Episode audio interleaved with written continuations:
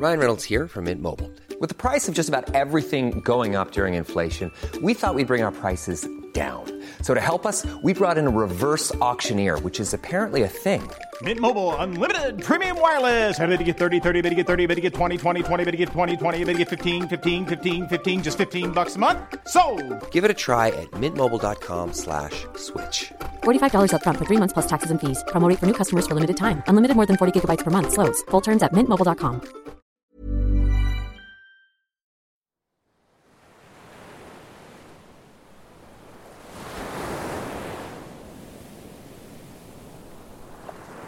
I dag taler jeg med en mand, der må siges at have lavet sit grundarbejde omkring sig selv og sine parforhold på den helt høje klinge. Der er 100 forskellige øh, måder at løbe sin vej på, og øh, jeg har jo gjort mig en del erfaringer med en af de særligt usunde. Han er også en mand, der har fået lidt rifter, ar og et par blå mærker med på livets vej. Og det er jo for eksempel alkohol, ikke? Jesper Stein er forfatter Jeg er 55 år. og har igennem sin karriere modtaget flere litteraturpriser for sine bøger. Han er nok mest kendt for den hårdkogte og kompromilløse vicepolitikommissær Axel Sten fra sin krimiserie, som startede med bogen Uro i 2012. Jespers nyeste bog er en hudløs, rå og ærlig selvbiografi ved navn Rampen, som udkom i slutningen af sidste år. At tage ansvar for sig selv, Lyt med på en samtale, hvor vi kommer frem til nogle vigtige konklusioner. det er jo at lytte efter. Blandt andet at forstå, hvor ens eget ansvar starter og stopper. Du når ikke hen i livet til en eller anden tilstand, hvor du så bare er perfekt til parforhold. At du måske ikke helt har fattet, hvad livet går ud på, når du er 30. Det tror du, når du er 30. Og at når du har været så heldig at have fundet dit talent, ja, så har du altså bare at forfølge det.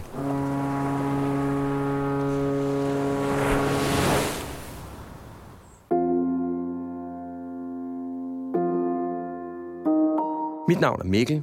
Jeg er et fraskilt og far på halv tid. Og jeg er på jagt efter at genfinde min identitet som mand.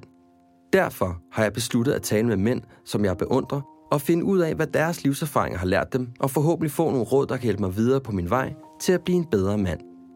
Velkommen til Handkøn.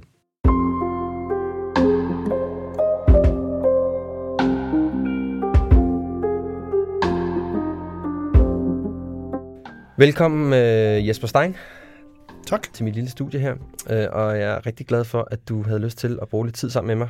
Jeg er jo i gang med et større projekt, der hedder, at jeg vil gerne genfinde mandens identitet. Og i den her søgen, jeg har været i gang i, der har jeg også fundet frem til fire værdier, som jeg mener er rigtig vigtige for en mand at besidde, og i virkeligheden også øve sig på resten af sit liv. Den første, og det er den, jeg altid starter med, det er ansvar. Og det er også den for rigtig mange øh, af mine gæster, og virkelig også for mig selv, hvor det lidt har været en udfordring. Fordi hvad, er, hvad vil det egentlig sige at tage ansvar for sig selv, og hvad vil det sige at tage ansvar for tilstanden af din, af din relation? Hvordan har du det med at tage ansvar for dig selv? Det har jeg det svært med. Og det havde du også. Og det tror jeg, hvis man øh, spørger folk helt ærligt, altså og de svarer helt ærligt, så vil burde 99,9 procent svare, det har de det svært med.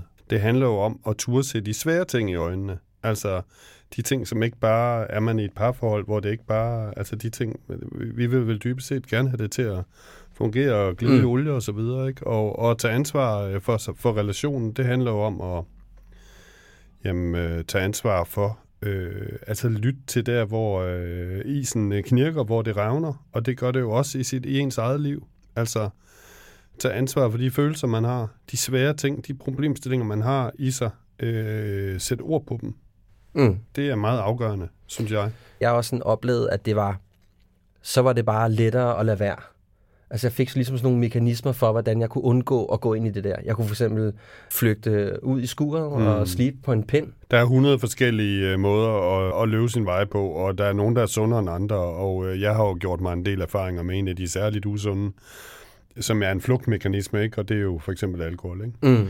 Øh, og, øh, og jeg tror, øh, altså jeg vil sige, at det, øh, det, når jeg ser tilbage på mit liv og mine parforhold, så er det ikke, øh, altså så har jeg ikke været super god til, til det, hverken i, i mit eget liv at tage ansvar for min situation, men heller ikke i min relation at tage ansvar for, øh, altså der, hvor der var noget, der, øh, altså hvor der var sprækker, som skulle, øh, altså som der skulle sættes ord på, Ja. og som der skulle arbejdes med, for at man kan komme videre. Der Hva- dækkede jeg til. Hvad, hvad, hvad mødte du der, når du kom i de situationer? Så mødte jeg konflikter, Ja. Ja. Fordi jeg ikke tog ansvar, og så blev jeg vred. Altså, jeg mærkede ikke efter, hvordan mine egne øh, følelser var.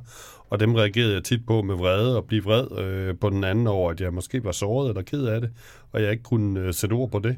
Ja. Og, øh, og så har, altså, har jeg været i relationer, hvor det har været et, øh, et opslidende forløb, ikke? Øh, altså, hvor der har været meget konfliktoptrapning og konflikt omkring et eller andet, og så har vi måske til sidst været så øh, slidte af mm. konflikten, at så øh, har vi omfavnet hinanden og sagt, at vi elskede hinanden højt, og det skulle nok gå, og, og vi ville jo være sammen og så videre, men vi havde måske dybest set ikke fået løst konflikten. Så gik der ligesom en uge, ikke? Jo, hvis man var heldig. Hvis man var heldig. Ikke? Altså, Eller fire så, timer. Så, Ja. Det tænker jeg, det er altså...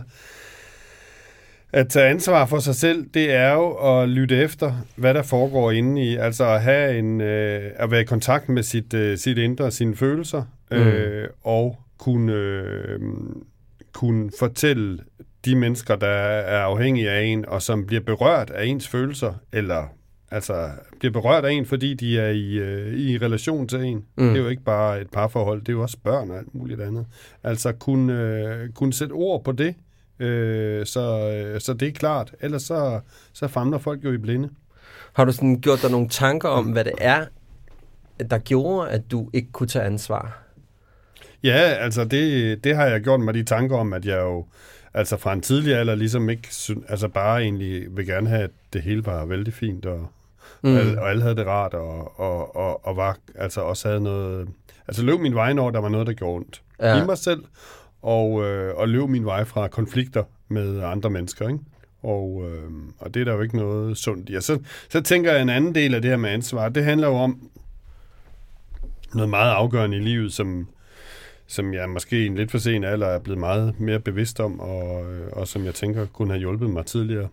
Det er det der med at finde ud af, hvad er mit og hvad er dit. Altså, hvad er mit ansvar, Ja. og hvad er, det, nu, nu er vi jo igen over i relationen, ikke? Men, øh, men det, altså i, i parforholdsrelation, men det kan også være i relation til, øh, til alle mulige andre mennesker i livet, til alle mulige andre.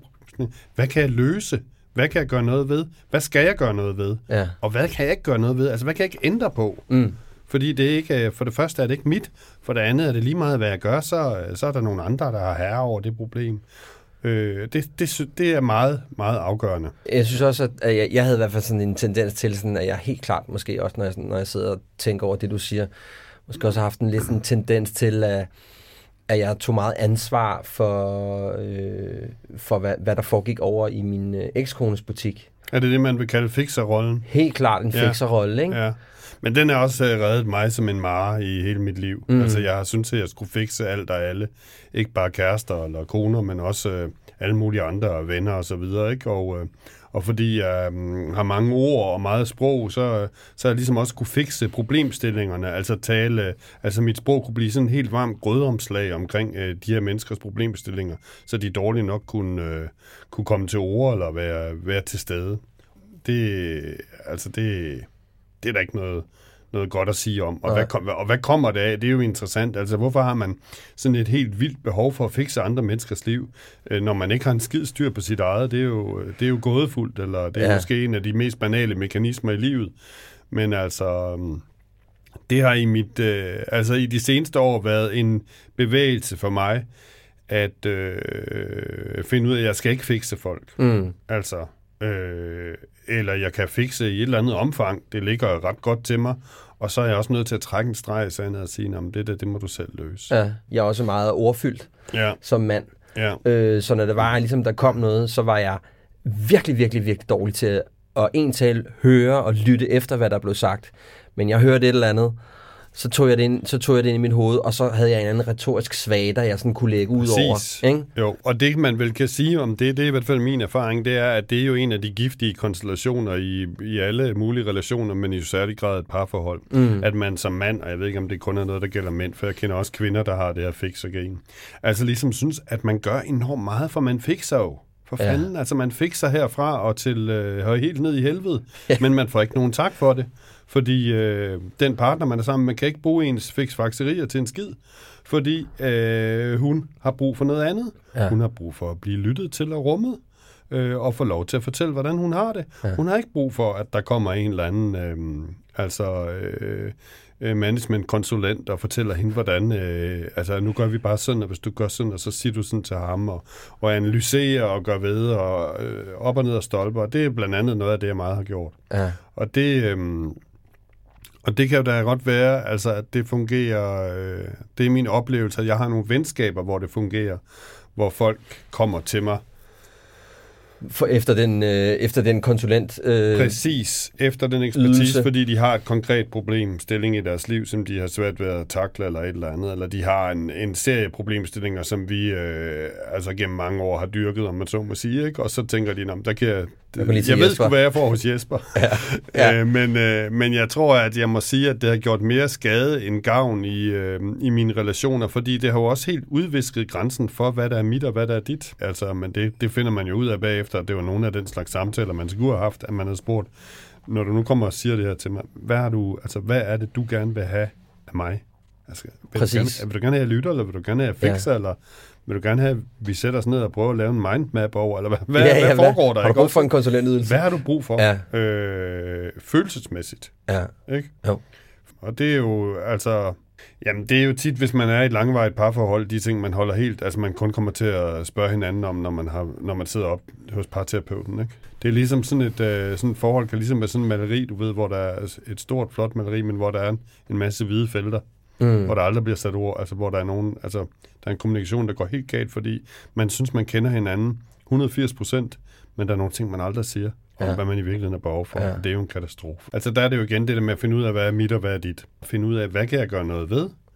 Og, øh, og har jeg mod til at, øh, til at ændre på det? Og, øh, og, hvad kan jeg, og hvad må jeg bare acceptere, at jeg ikke rigtig kan gøre noget ved? Ja. Og det er jo super afgørende, fordi hvis du står i en eller anden konflikt eller et eller andet med din partner, som du synes er du synes, hun er irriterende, eller du synes, der er noget i jeres forhold, du er utilfreds med, og, og lad os håbe, det ikke er den gamle trav, at du ikke får nok sex, men altså, at det ja. Er et eller andet emotionelt, ikke? Øhm, og øh, altså, så, så, så kan du godt bare altså, ligesom affærdige ved at sige, når, når det er skide irriterende, og hun er virkelig dårlig til. Ja. Altså, et eller Ja, andet, ikke? ja. Men, men altså, hvis du i stedet for prøver at starte med dig selv, "Nå, hvad, hvad, hvorfor reagerer jeg sådan her på det her? Hvad, Ja. øh, Tag ansvar for, hvad, hvad Præcis, der der foregår. ansvar for, hvad, hvad, hvad er nogle følelser, og finde ud af, ja. om, om, hvad kunne jeg måske gøre selv, øh, og hvad er noget, jeg ikke kan gøre noget ved, og, og, og det, jeg ikke kan gøre noget ved, som er en del af hende, og som jeg øh, med mit kendskab til hende ved, er en så vigtig og øh, mm.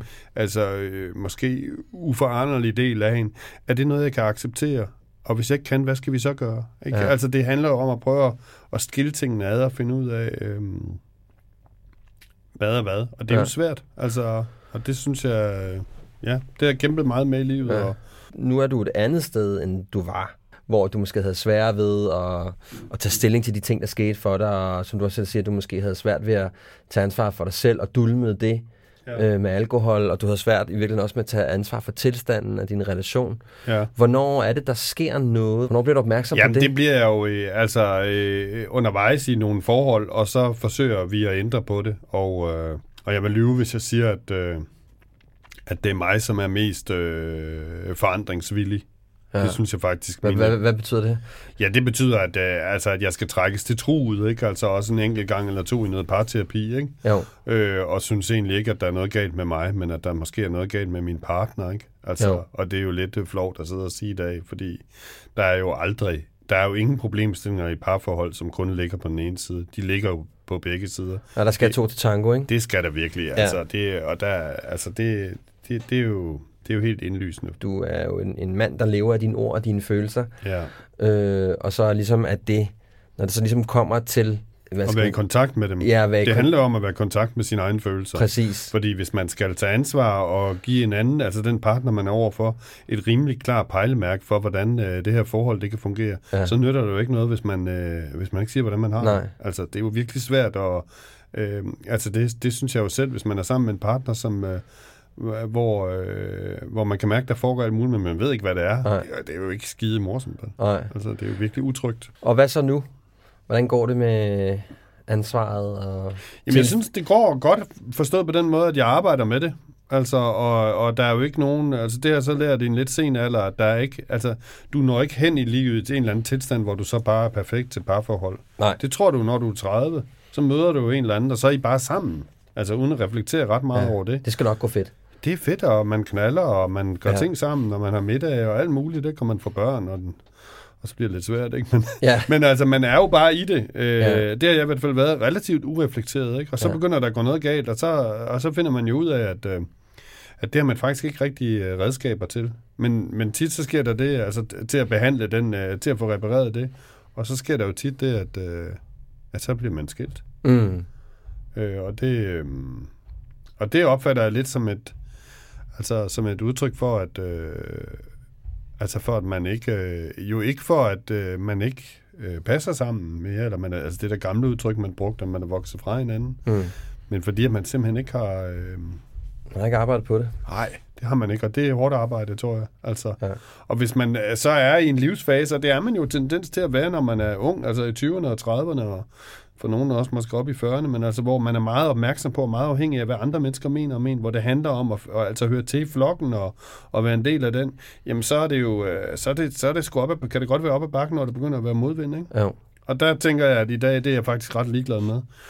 Øh, altså, hvad andre mener om mig. Jeg er interesseret i, hvad min kæreste og mine børn mener om mig, og hvordan vi fungerer sammen. Ja. Ja. Og det ligger mig øh, 100% på sinde. Og, øh, og derfor så... Øh, ja, så arbejder jeg med det. Og jeg er ikke perfekt, og der er problemer, og der opstår problemer, men det lever jeg med. Men jeg har lært, at øh, en ting, og det er, at det vigtigste i livet, det er at sætte ord på. Og det kan du sige, morsomt nok, sådan en sprogmand som mig, men det er altså faktisk at sætte ord på, øh, altså følelserne.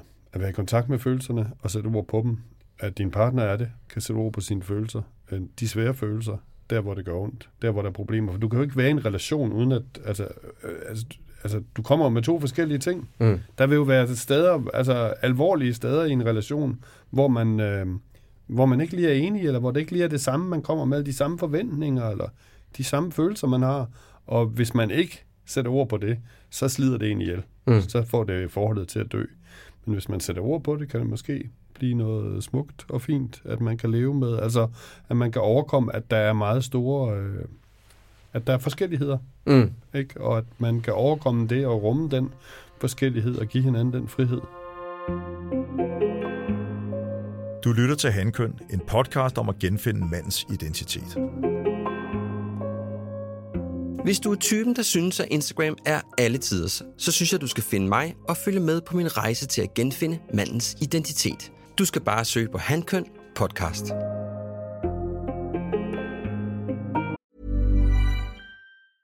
Many of us have those stubborn pounds that seem impossible to lose, no matter how good we eat or how hard we work out. My solution is PlushCare. PlushCare is a leading telehealth provider with doctors who are there for you day and night to partner with you in your weight loss journey. They can prescribe FDA-approved weight loss medications like Wagovi and Zepbound for those who qualify. Plus, they accept most insurance plans. To get started, visit plushcare.com slash weight loss. That's plushcare.com slash weight loss.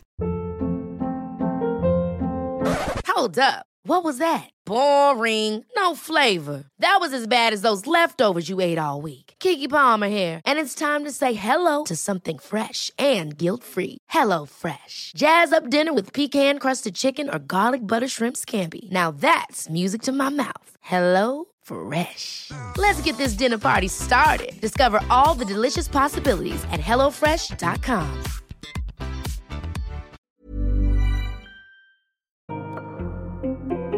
Den næste ting, vi skal tale om, det er jo det at have et øh, klart formål i livet. Har du sådan et klart formål? Ja, Og hvad er det? det er at skrive. Ja. Hvad er det det? Ja. Jeg Men det har jeg jo ikke altid haft. Nej. Altså, Nej. og det, det, det er jo igen det, det der med, når man spoler tiden tilbage, at så er det mere grumset, jo, jo yngre man er. Ikke? Jo, men hvor startede du henne så? Jeg startede jo med at have det formål i livet, da jeg var 12 år gammel, at øh, jeg læste Shakespeare's... Øh, nogle af Shakespeare's skuespillere var klar over, at jeg skulle skrive, jeg skulle nok være dramatiker. Okay. Men øh, så har jeg jo virkelig slået en... Øh, altså, en, en, øh, altså, hvad skal man sige, kørt en omvej, ikke? Ja, Øhm, du har haft en ordentlig omvej. Ja, det har jeg virkelig. Og jeg har også været i tvivl om, hvad jeg skulle. Øh, og jeg har altså arbejdet i mange år i min ungdom på... Øh, jo at leve sådan et, øh, et, et udsvævende bohemeliv, men også ligesom øh, skrive en masse ting, øh, som aldrig rigtig blev til noget. Mm. Og det kunne jeg ikke forstå, og det hang måske sammen med, at jeg levede sådan et udsvævende bohemeliv, og at jeg havde mange spøgelser med fra min, øh, min senere opvækst, som jeg ikke havde fået øh, taget hånd om. Mm. Så jeg tror ikke, jeg var i stand til ligesom at, at, at, altså at skrive er jo ikke bare noget med at sige, at det gør man, så nu vil jeg gerne være forfatter. At skrive er jo også noget med at være i kontakt med, øh, med noget inde i en selv, Ja. som man tør slippe løs. Altså, Så det vil sige, at for grundlag af, at du havde nogle uforløste ting i forhold til din barndom og din, går ud fra, din relation med dine forældre, så gjorde Ja. det ligesom også, at fordi du ikke havde ryddet op i kælderen, om jeg så må sige, Ja. så var det også svært for dig ligesom at holde fokus på, hvad du ville. Jeg tror alt muligt havde Ja. en indflydelse. Altså dels som øh, min, min bog der, Rampen, jo handler om jo i høj grad mine forældres meget voldsomme skilsmisse, og Ja. ja. den, øh, den helt grænseoverskridende adfærd, min mor, mor havde for mig i nogle år der. Ikke? Og det har Ja. selvfølgelig gjort noget, og samtidig så, så øh, altså festede og drak jeg jo mere, var useriøs, udisciplineret, og øh, det tog... Øh, altså jeg var 27, da jeg kom ind på journalisterskolen, der havde haft 9 fjormer år. Ikke? Altså det er jo noget længe, ikke? og der ja. havde jeg ligesom været på Bobi Bar og Andys Bar i København og, øh, og, og følte mig meget kunstnerisk og bohemagtig. Og, øh, men der var ikke rigtig kommet ud af det, noget ud af det. Vel? Hvad lavede du så der i de der ni år? Hvad gik du så Jamen, så havde jeg alt muligt arbejde, altså øh, her og der alle vegne, og, øh, og perioder, hvor jeg ikke arbejdede, hvor jeg ligesom skrev i citationstegn, men, Ja, men jeg skrev sgu ikke ret meget, vel? Der kom ikke så meget ud af det. nej. Og, øh, og så, øh, så blev jeg jo journalist, og der havde jeg også, altså det kunne jeg heller ikke øh, tage super seriøst, altså der havde jeg sådan meget sådan ironisk øh, distance til det, Mm. og kunne ligesom hele tiden gennemanalysere alt det falske, og alt det forløgne, og alt det hykleriske Ja. i journalistikken, ikke? Øh, det overfladiske og så videre, det havde jeg super godt blik for det, for indtil der var en, øh, en der en dag sagde til mig, øh, nu er du altså simpelthen nødt til at vælge. Enten så er du det her, eller også er du det ikke. Hvem, altså, hvem sagde det til dig? Jamen, jeg tror faktisk, det var en... Øh, jeg kan sgu ikke helt huske det, om det var en psykolog eller hvad, men der var en eller anden, der sagde, du er nødt til at tage det her på dig. Du har uddannet, du er blevet uddannet der gennem fire år, du Ja. har fået et super godt på et eller andet største dag, godt job på et eller andet største dagblad. Altså enten så er du der, eller også er du der ikke. Men hvorfor, hvorfor sagde øh, den person det? Altså, hvad, hvad lå Jamen, der, det hvad sagde lå, den hvad person jo, baggrunden for fordi det? at den person var klar over, øh, altså vidste det, som jeg lige sidder og taler Okay. om, det her ironiske, Okay. det her sådan øh, meget analytiske, distancerede, ikke? Altså, Så du stod sådan lidt på kanten og pegede Ja, lidt? som du kender, altså vi, vi, vi lever i et samfund, hvor man hylder, øh, altså den kritiske sans er jo særligt i mit øh, fag i journalistikken, Hmm. mm. men den kritiske, altså, øh, men den kritiske sans kan jo være god over for et emne, men hvis det er i en eller anden øh, community eller et eller andet, og du hele tiden, så er det jo også en måde ligesom at distancere, det er jo en måde at distancere Ja. dig fra andre mennesker Ja. ja. på, ikke? Så det, og det tog jeg så på mig, og jeg synes, jeg havde øh, nogle år der, men altså, nu, nu har jeg, efter jeg, min bog udkom, så har jeg ligget sådan og, og rodet rundt i, hvad skulle jeg skrive om det ene, og skulle jeg skrive om det andet, og så har jeg blandt andet taget kontakt til en fyr, jeg gik i terapi hos der i 90'erne, og spurgte, om han havde, fordi han sad jo til noter, og spurgte, om han havde noter, Ja. og det har han så ikke. Men så, ser, men så har han så skrevet bare 10 linjer om, hvad han kunne huske, og så sagde han, "Jamen, jeg husker det også som en fyr, der havde svært ved at finde, øh, altså præcis det, du spørger om, formålet med livet, Ja. altså hvad du skulle, hvor du skulle hen, Ja. hvad fanden skulle det hele blive til? Og det, øh, og det tror jeg rigtigt nok, ikke? Så det har jeg virkelig rodet rundt med, og så har jeg haft en del år som, øh, som journalist og levet godt med det og været glad for det, og, øh, og så på en eller anden måde, så... Øh, Jamen, så, øh, så øh, sker der nogle forskellige omstændigheder, og jeg får en, øh, bliver gift med en kvinde, som siger, øh, du skal gå efter den her drøm. Mm. Og den her drøm var jo at blive forfatter. Og, øh, og, øh, og hun var meget øh, disciplineret selv, og jeg tænkte, havde altid opfattet mig selv som super udisciplineret. Og øh, det viser sig så, at det, det havde jeg altså i mig på en eller anden måde. Okay. Og, øh, og så har jeg ikke rigtig set mig tilbage, så har jeg godt vidst, at det var det.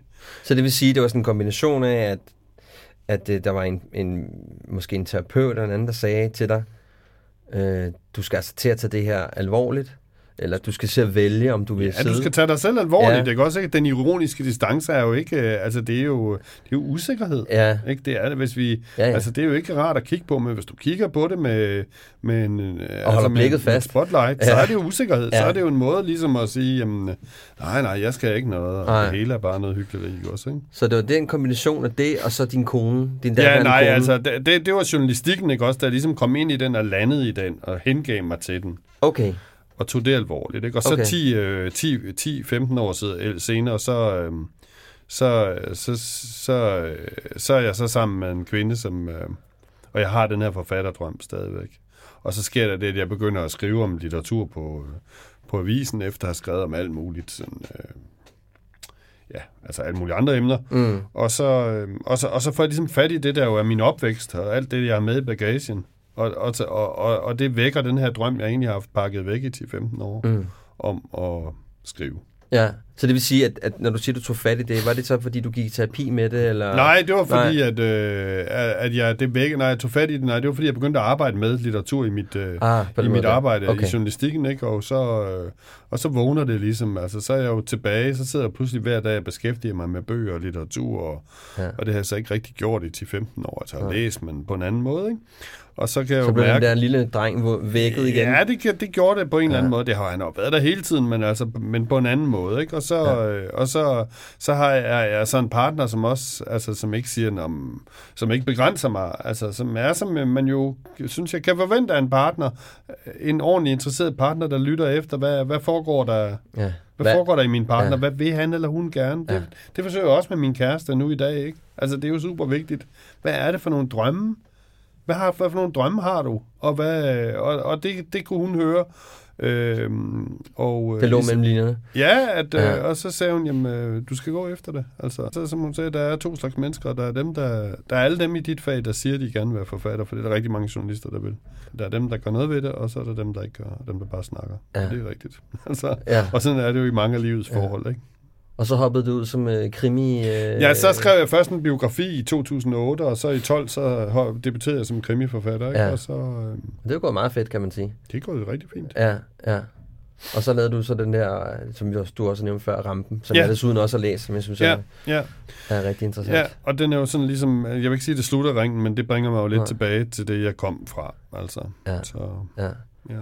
Så nu skal du til at skrive nogle... Jeg ved ikke, hvad jeg skal skrive. Nu, nu, nu går jeg øh, og rører lidt i gryden. Og det, og det, er, en, det er en svær fase, men, men det er ikke en fa- fase, der får mig... Jo, altså, nej, det er ikke en fase, der får mig til at tvivle på mit formål. Det er bare skide irriterende, at øh, altså, det, det ved jeg fra før, at når man har afleveret en bog, og så er der en eller anden fase, indtil man øh, kommer ordentligt i gang med en ny, og Ja. den befinder jeg mig så lige i øjeblikket. Ja, ja. Jamen, det, jeg tænkte nemlig også, da, jeg læste den der, øh, læste Rampen, øhm, så, så øh, kunne jeg, også- jeg tænker sådan, det må, det må have meget været meget sådan forløsende, og, sådan, og du ved, virkelig åbne, altså fordi du åbner jo virkelig op i, Ja. øh, i alt. Ja.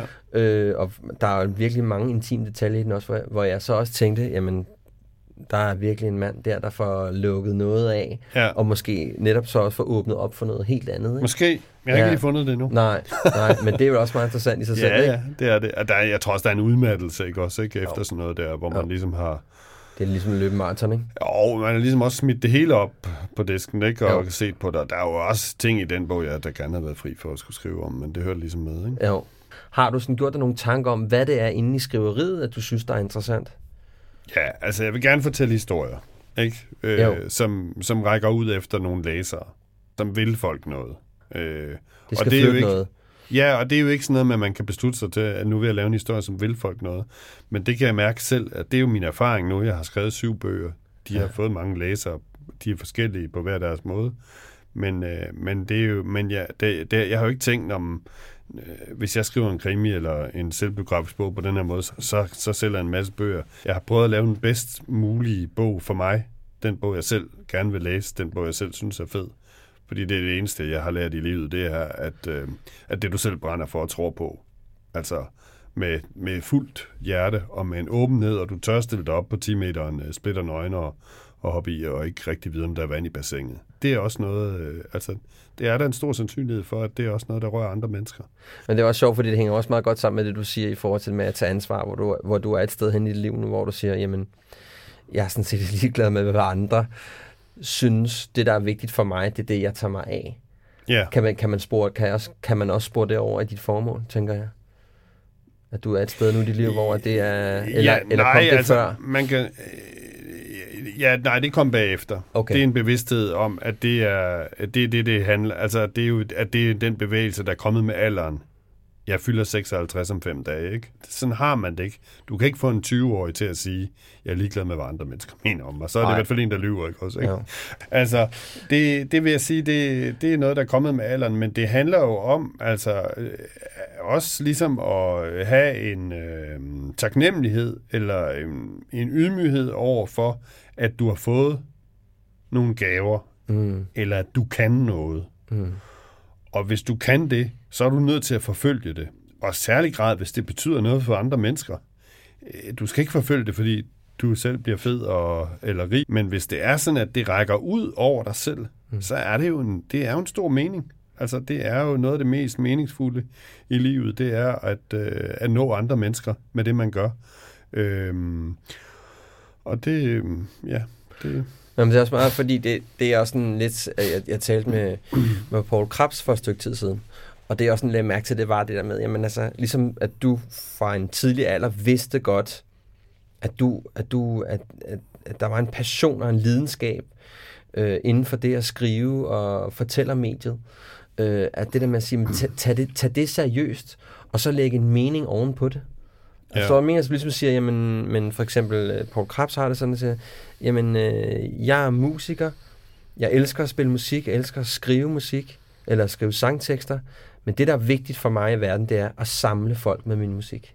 Det er ligesom yeah. hans, det er det, det er det banner, han kan hænge hen over sin dør. Altså, han elsker at komme til Kolding og ses, og alle yeah. de små hus, fordi det, han, han er ligeglad, hvor det er henne. Han kan bare godt lide den der samlekraft, Det forstår jeg også. har. Det kan så levende sætte mig ind i. Og ja. det er bare den her mærkelige dobbelthed i det der med at være forfatter. Ikke? At når du er forfatter, altså når du skriver, så kan du ikke ligge og rode med, øh, hvad, hvad, skal, hvad skal jeg gøre her for at komme på bestsellerlisten? Eller Nej. noget andet. Så skyder du benene af dig selv, ikke? Ja. og så bliver det noget uærligt, øh, øh, altså forstillet pjat. Du er Jo. nødt til at hengive dig 100% til dig selv og til det, øh, til de historier, du har inde i dig, og det, du har at bære med. Men når du så, når bogen så er udkommet, altså så oplever man jo så det, som Paul Krabs beskriver, og hvis man er heldig i hvert fald, ikke? Mhm. og som jeg har oplevet i særlig grad med Rampen, at så har man lavet en bog, som rører folk, og som rører folk på mange forskellige måder, og rører nogle folk meget dybt, og de vil tale om det. Og det er, altså, og der er, man- det er man jo nødt til at tage mm. på sig med en eller anden øh, ydmyghed og nærbødighed, fordi øh,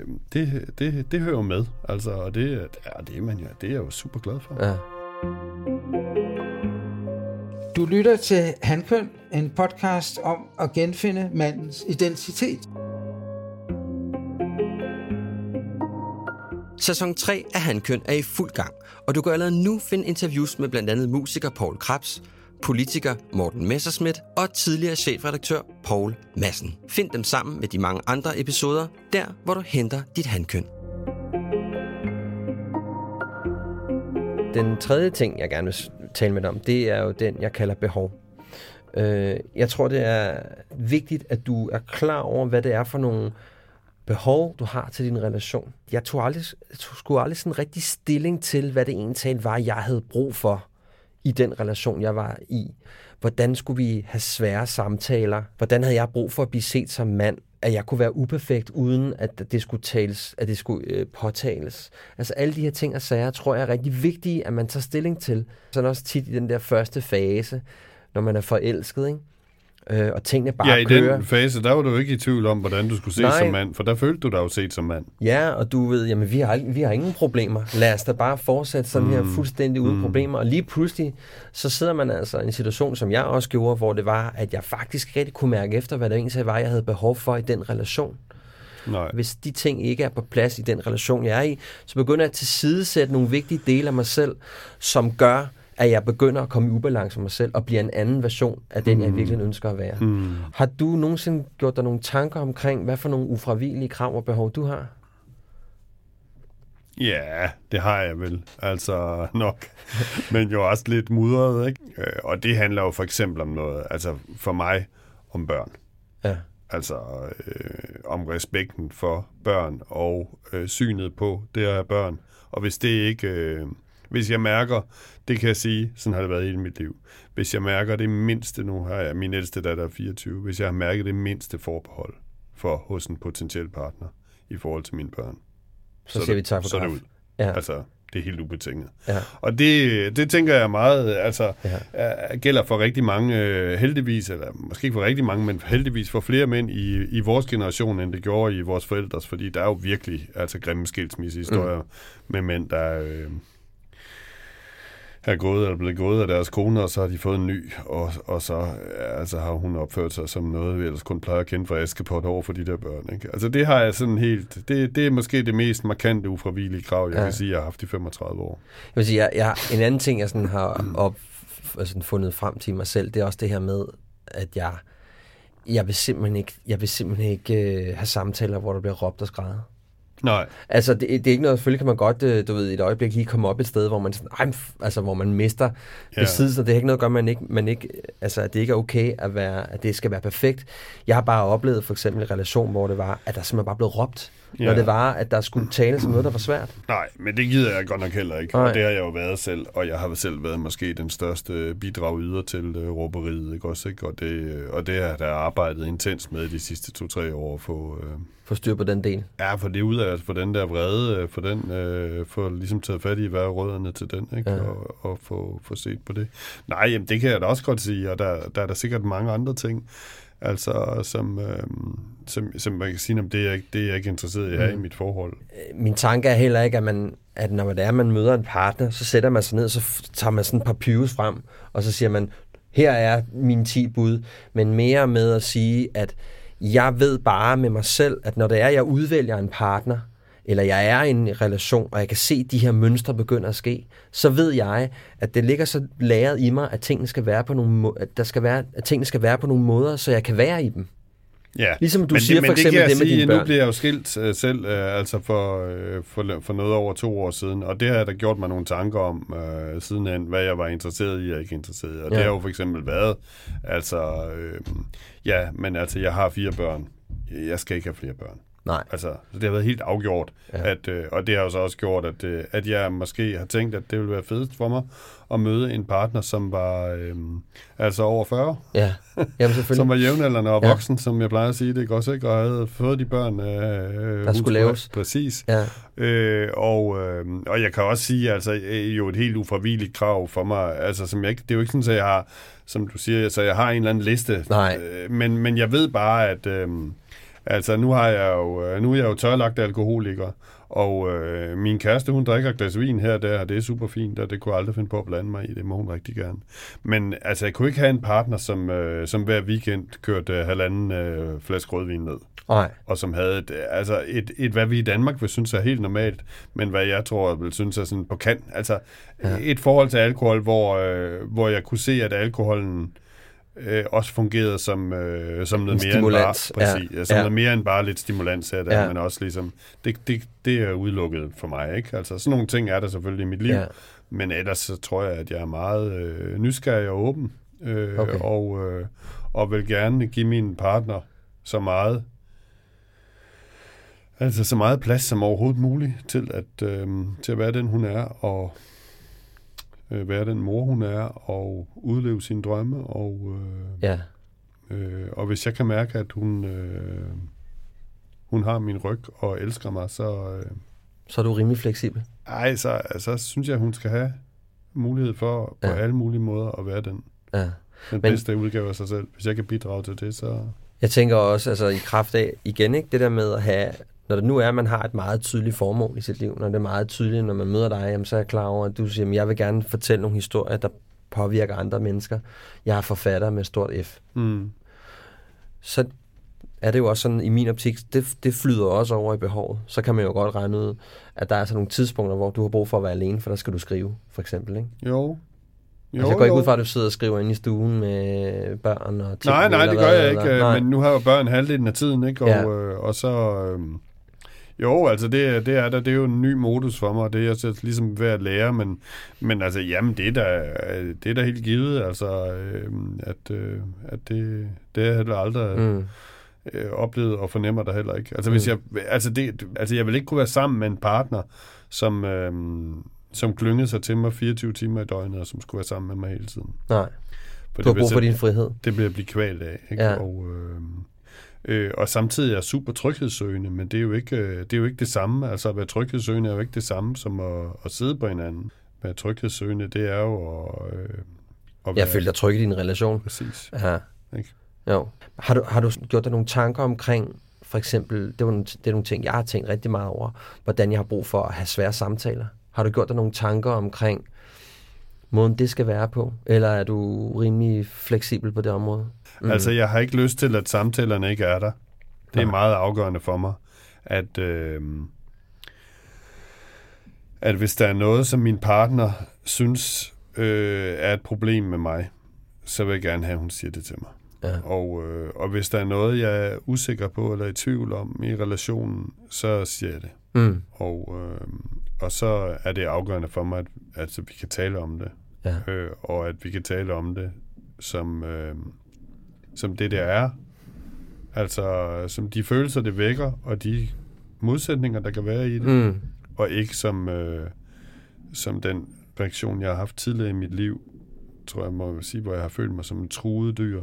Øh, Ja. ja. Og jeg har stået op i hjørnet og slået fra mig og været vred. Og det er jo fordi, at jeg ikke har været, altså ikke har øh, været i så super god kontakt med mine følelser, og fordi at min angst for adskillelse og for, at der var nogen, der forlod mig, den, altså, at det skulle jeg fandme nok overtrumfe, ikke også? Ikke? Ja. Så, så slog jeg fra mig.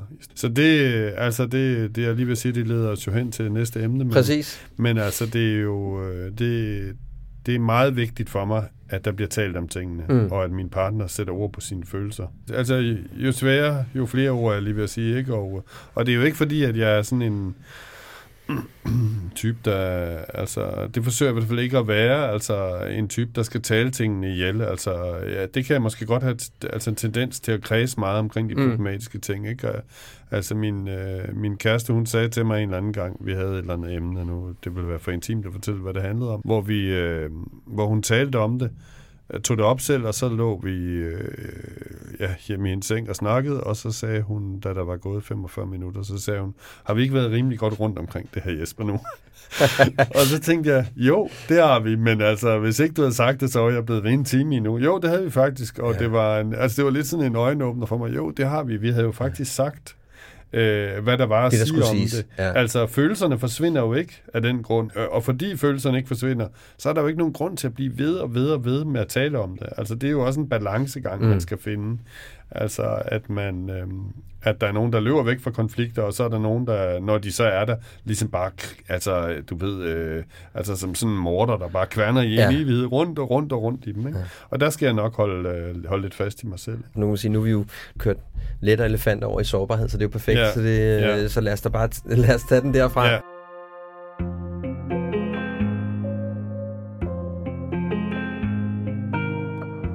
Men det er jo i hvert fald interessant jo med den der sårbarhed, synes jeg, fordi at det er jo, det er jo sådan rent, hvis man kigger på sådan den klassiske manderolle, og også kigger på mit eget liv, så er det der med at være sårbar, det er jo ligesom nærmest et fyreord, ikke? Jo. Altså, at det er, at, at man som mand øh, viser sider af sig selv, hvor man ikke er perfekt, i hvert fald i vores, og i hvert fald i, i den grad har været i mit eget hoved, min eget følelsesliv, har det været sådan, at, at det gik ikke, at jeg viste nogle ting, som jeg ikke havde styr på. Det var nummer et, og nummer to, det var også bare, at jeg kunne for eksempel godt sige, at jeg var ked af det.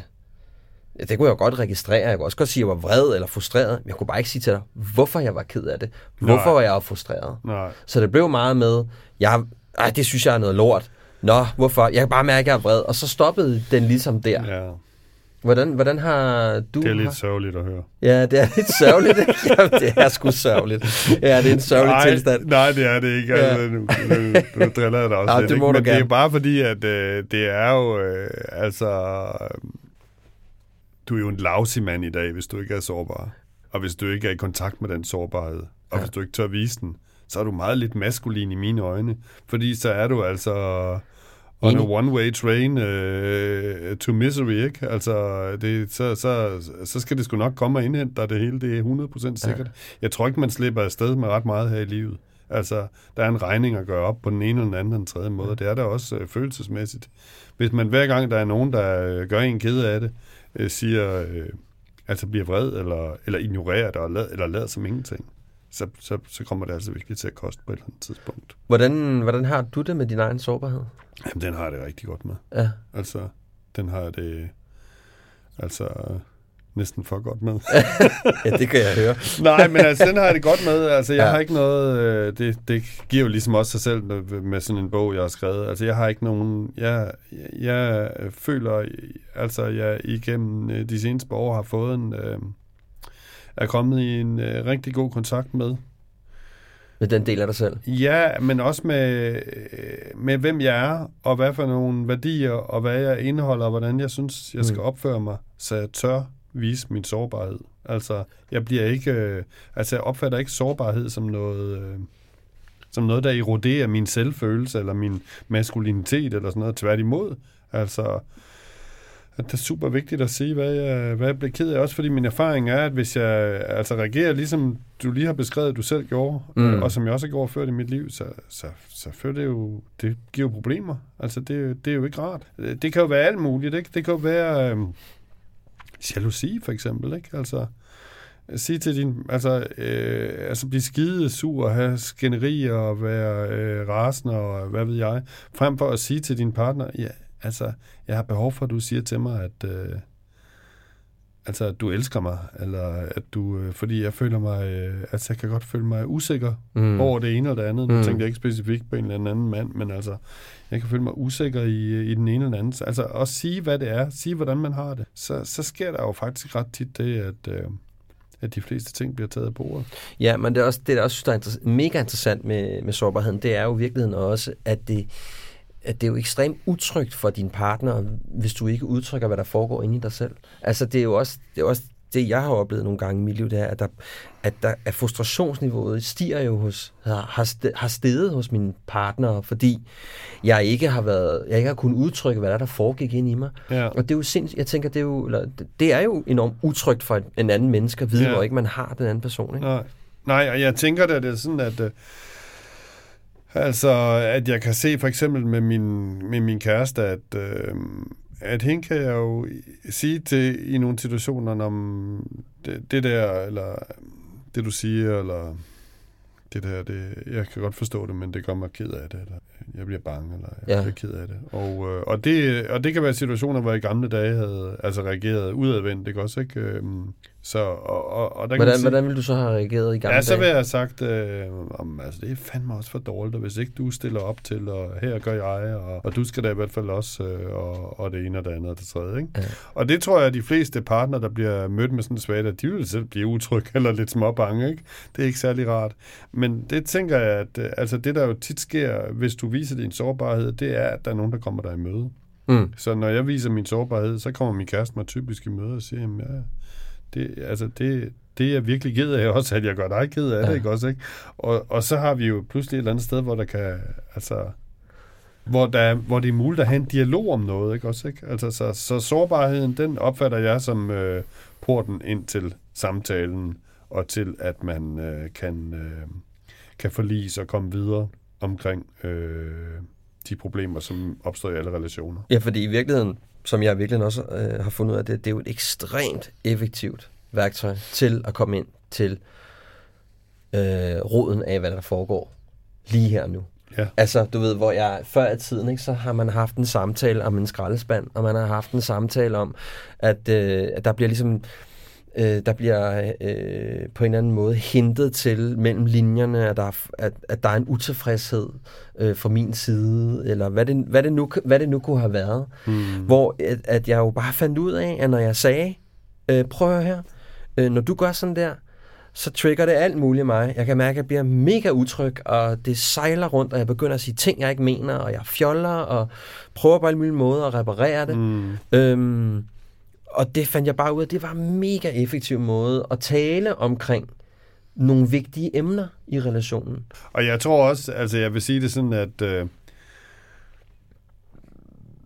altså jeg har oplevet det i, i altså i en relation, det der med, at jeg må sige, øh, for eksempel, i, når man har nogle svære samtaler, så sige, jamen, øh, jeg, jeg er rigtig glad for det her, men jeg har simpelthen også lidt behov for, for eksempel, at, at du siger til mig, at, øh, at det her, det er ikke noget, der er, det her, altså, her er et problem, det ved vi begge to, for nu har vi talt om det et stykke tid, men at det her, det er ikke noget, der skiller os ad. Altså, Nej. du elsker mig stadigvæk rigtig højt, og det er mig, du vil være sammen med, og vi har ikke lige et fælles take på det her, men det skal jeg ikke være i tvivl om. okay. Øh, og altså, kan min partner måske så sige, ikke? Og tænke, jamen, ved han ikke det?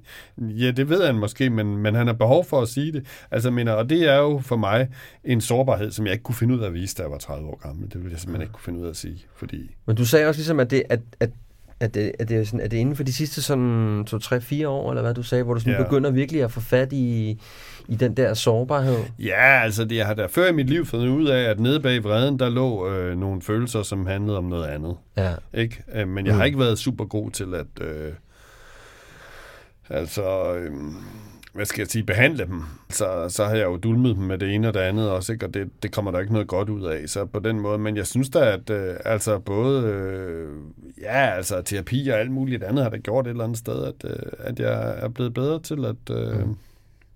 Tage, altså, det, det, altså dine emner der, de hænger jo fint sammen på, altså måske bortset fra formålet der, ikke? men de hænger jo, de tre andre emner hænger utrolig meget sammen. Og at vise sin sårbarhed, det ja. er jo faktisk at tage ansvar for, hvem du er. Hvis ikke du viser din sårbarhed og viser, at øh, altså, så tager du heller ikke dine øh, smerteligste følelser alvorligt. Så lukker du dem ind i en boks og sætter lås på. Mm. Det er jo farligt, altså. Mm. Så et eller andet sted, så ja, det er desværre ikke øh, noget, jeg kan sige. Øh, det har ikke været en, øh, altså en eksistentiel spidskompetence de sidste 35 år. Men, det, men der er ting, man har lov til at blive bedre til ja, ja. i livet. Men jeg vil jo så også, øh, som man siger inden for coachverden, udfordre dig på, at, at sårbarheden går jo også op og tale. Hvis du tager ansvar for din sårbarhed, så kan du også bruge din sårbarhed til at forstå dig selv i forhold til dit eget formål. Så sige, fordi det, det jeg jo for eksempel også har oplevet i mange år, det var jo, at jeg kunne godt mærke, der var noget, der var noget galt med det, men jeg kunne ikke mærke, i kraft af, at jeg ikke havde adgang til min egen sårbarhed, på den måde, ja. så havde jeg heller ikke rigtig adgang til, hvad det var, jeg kunne mærke, der var galt. Så for mig har det også været meget med, at kræfter, jeg har fået adgang til mine egne følelser på en anden måde, end jeg havde før. Så ja. jeg kan også meget bedre mærke, når jeg laver noget, der, der berører mig. Ja. Hvor jeg har sådan lidt også haft den der med, at hvis du ikke sådan rigtig har adgang til din egen sårbarhed, og vi leger, at alle følelser lå imellem 0 og 10, Ja. Hvor 0 er komplet destruktion og depression, og øh, selvmordet ligger øh, lurer lige om hjørnet. Ja. Og 10 er nirvana.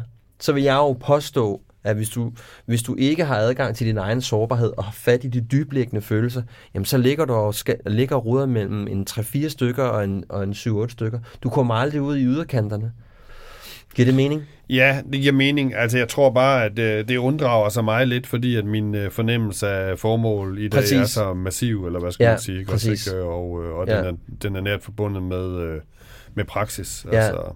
Men det er også det, er jo tit det, der sker, når altså de fleste gæster, jeg er inde, de har nogle meget stærke formål. Altså, det er jo ikke... Øh, det er så mit formål nu her, øh, i januar 21, ikke? Jo. Øh, men det er jo ikke givet, at det er mit formål i januar 25. Nej. Altså, der kan du godt have ændret sig, ikke? Øh, så du kunne godt at, se, du kunne godt, dit formål kunne godt ændre sig? Nej, så meget kender jeg da livet efterhånden, at det må jeg sige, at det, at det sidde og påstå, ikke. at nu skal jeg sidde og skrive øh, romaner til at blive 75, det tror jeg, jeg skal. Ja. Men der er ikke ret meget af det, vi tror om livet, som bliver sådan, vel? Nej. Det så der kan ske alt muligt. Hvad der bliver blomsterhandler i... Whatever.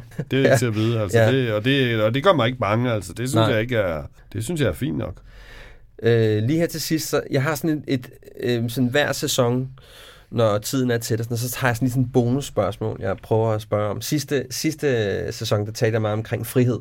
Og det er sådan lidt øh, her i starten af den her sæson, sådan går lidt og, og, og kigger på, det er sådan, hvad kan vi egentlig lære af vores partner? Altså, hvad er det egentlig talt, når jeg kigger tilbage? Hvad har jeg lært, og hvad har jeg taget med, og hvad har jeg ligesom, for at bruge et rigtig kedeligt konsulentudtryk, implementeret øh, fra min partner af, hvis det giver mening. Jamen, det giver super meget øhm, mening. Hvad har du lært af dine partner, som du har taget med? Jamen, jeg har lært utrolig meget af dem, så det må ja. jeg sige. Er der en øh, top 3?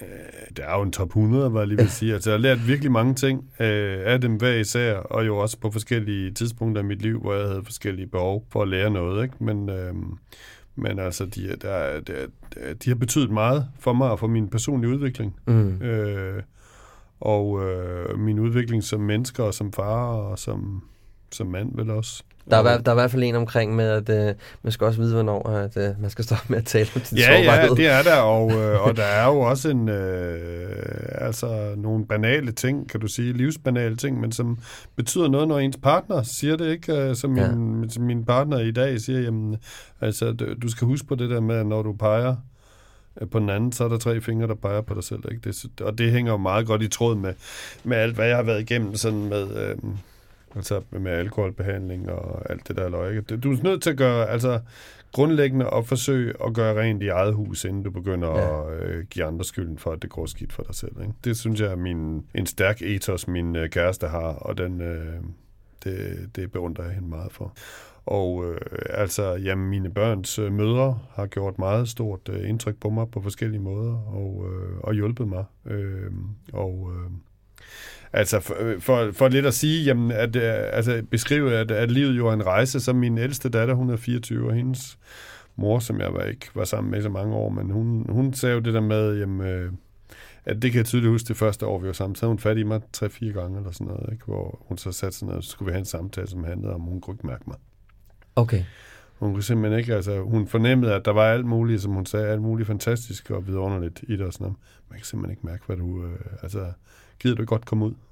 Ja. og, øh, og det er jo, og jeg var, synes, det var pisseirriterende. Jeg var øh, 30 år gammel, ikke? Altså, Ja. hvad fanden bildte hun sig ind, ikke? Også, ikke? Og hvad var det for noget følte, følte pis, ikke? Også, ikke? Men i dag må jeg bare sige, at, øh, at det var jo livsklogt, ikke? Fordi øh, det er jo afgørende for, øh, at du kan noget. Jeg synes, det var meget sådan, jeg synes næsten, det var grænseoverskridende dengang, ikke? Vi er tilbage i begyndelsen af 90'erne, ikke? Men det har jeg da tænkt over siden, ikke? Og jeg mødte for, øh, for nogle år siden en, øh, en anden ekskæreste, som øh, kiggede mig dybt i øjnene og sagde til mig, øh, prøv at høre her, Jesper, der er intet øh, ved dig, øh, som bliver bedre, smukkere, klogere, smartere, rarere, når du drikker.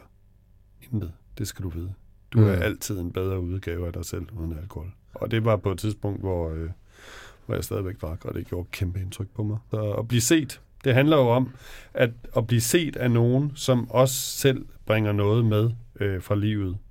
Øh, en, en, en, en, ja, altså nogle, øh, nogle bud, noget moral, øh, noget ethos, noget, Ja. øh, noget etik. Øh, Ja, og så man- tage det til sig, ikke?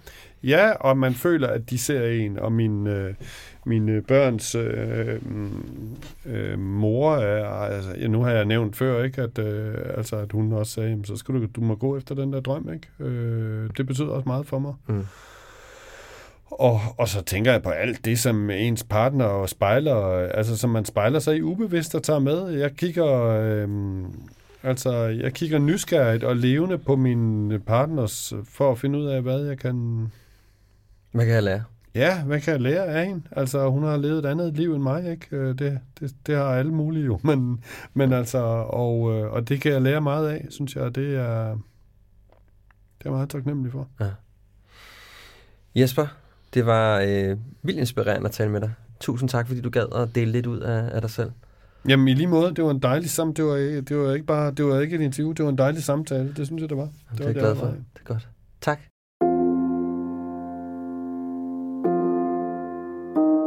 Ja, jeg tænker, at der ikke er så forfærdeligt meget at sige efter den samtale. Jeg synes egentlig, at Jesper sagde det hele, og jeg vil runde interviewet af med en af hans meget kloge sætninger. Det vigtigste i livet, det er at sætte ord på. Næste gang i Handkøn kan du møde iværksætter og politiker Tommy Alers. Indtil vi høres ved, så pas på dig selv, og så tag lige og lyt lidt mere efter. På rigtig fint genhør.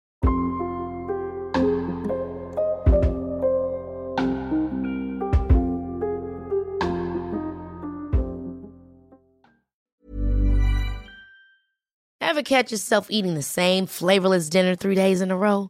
Dreaming of something better? Well, HelloFresh is your guilt free dream come true, baby. It's me, Kiki Palmer. Let's wake up those taste buds with hot, juicy pecan crusted chicken or garlic butter shrimp scampi. Mm. Hello Fresh. Stop dreaming of all the delicious possibilities and dig in at HelloFresh.com. Let's get this dinner party started.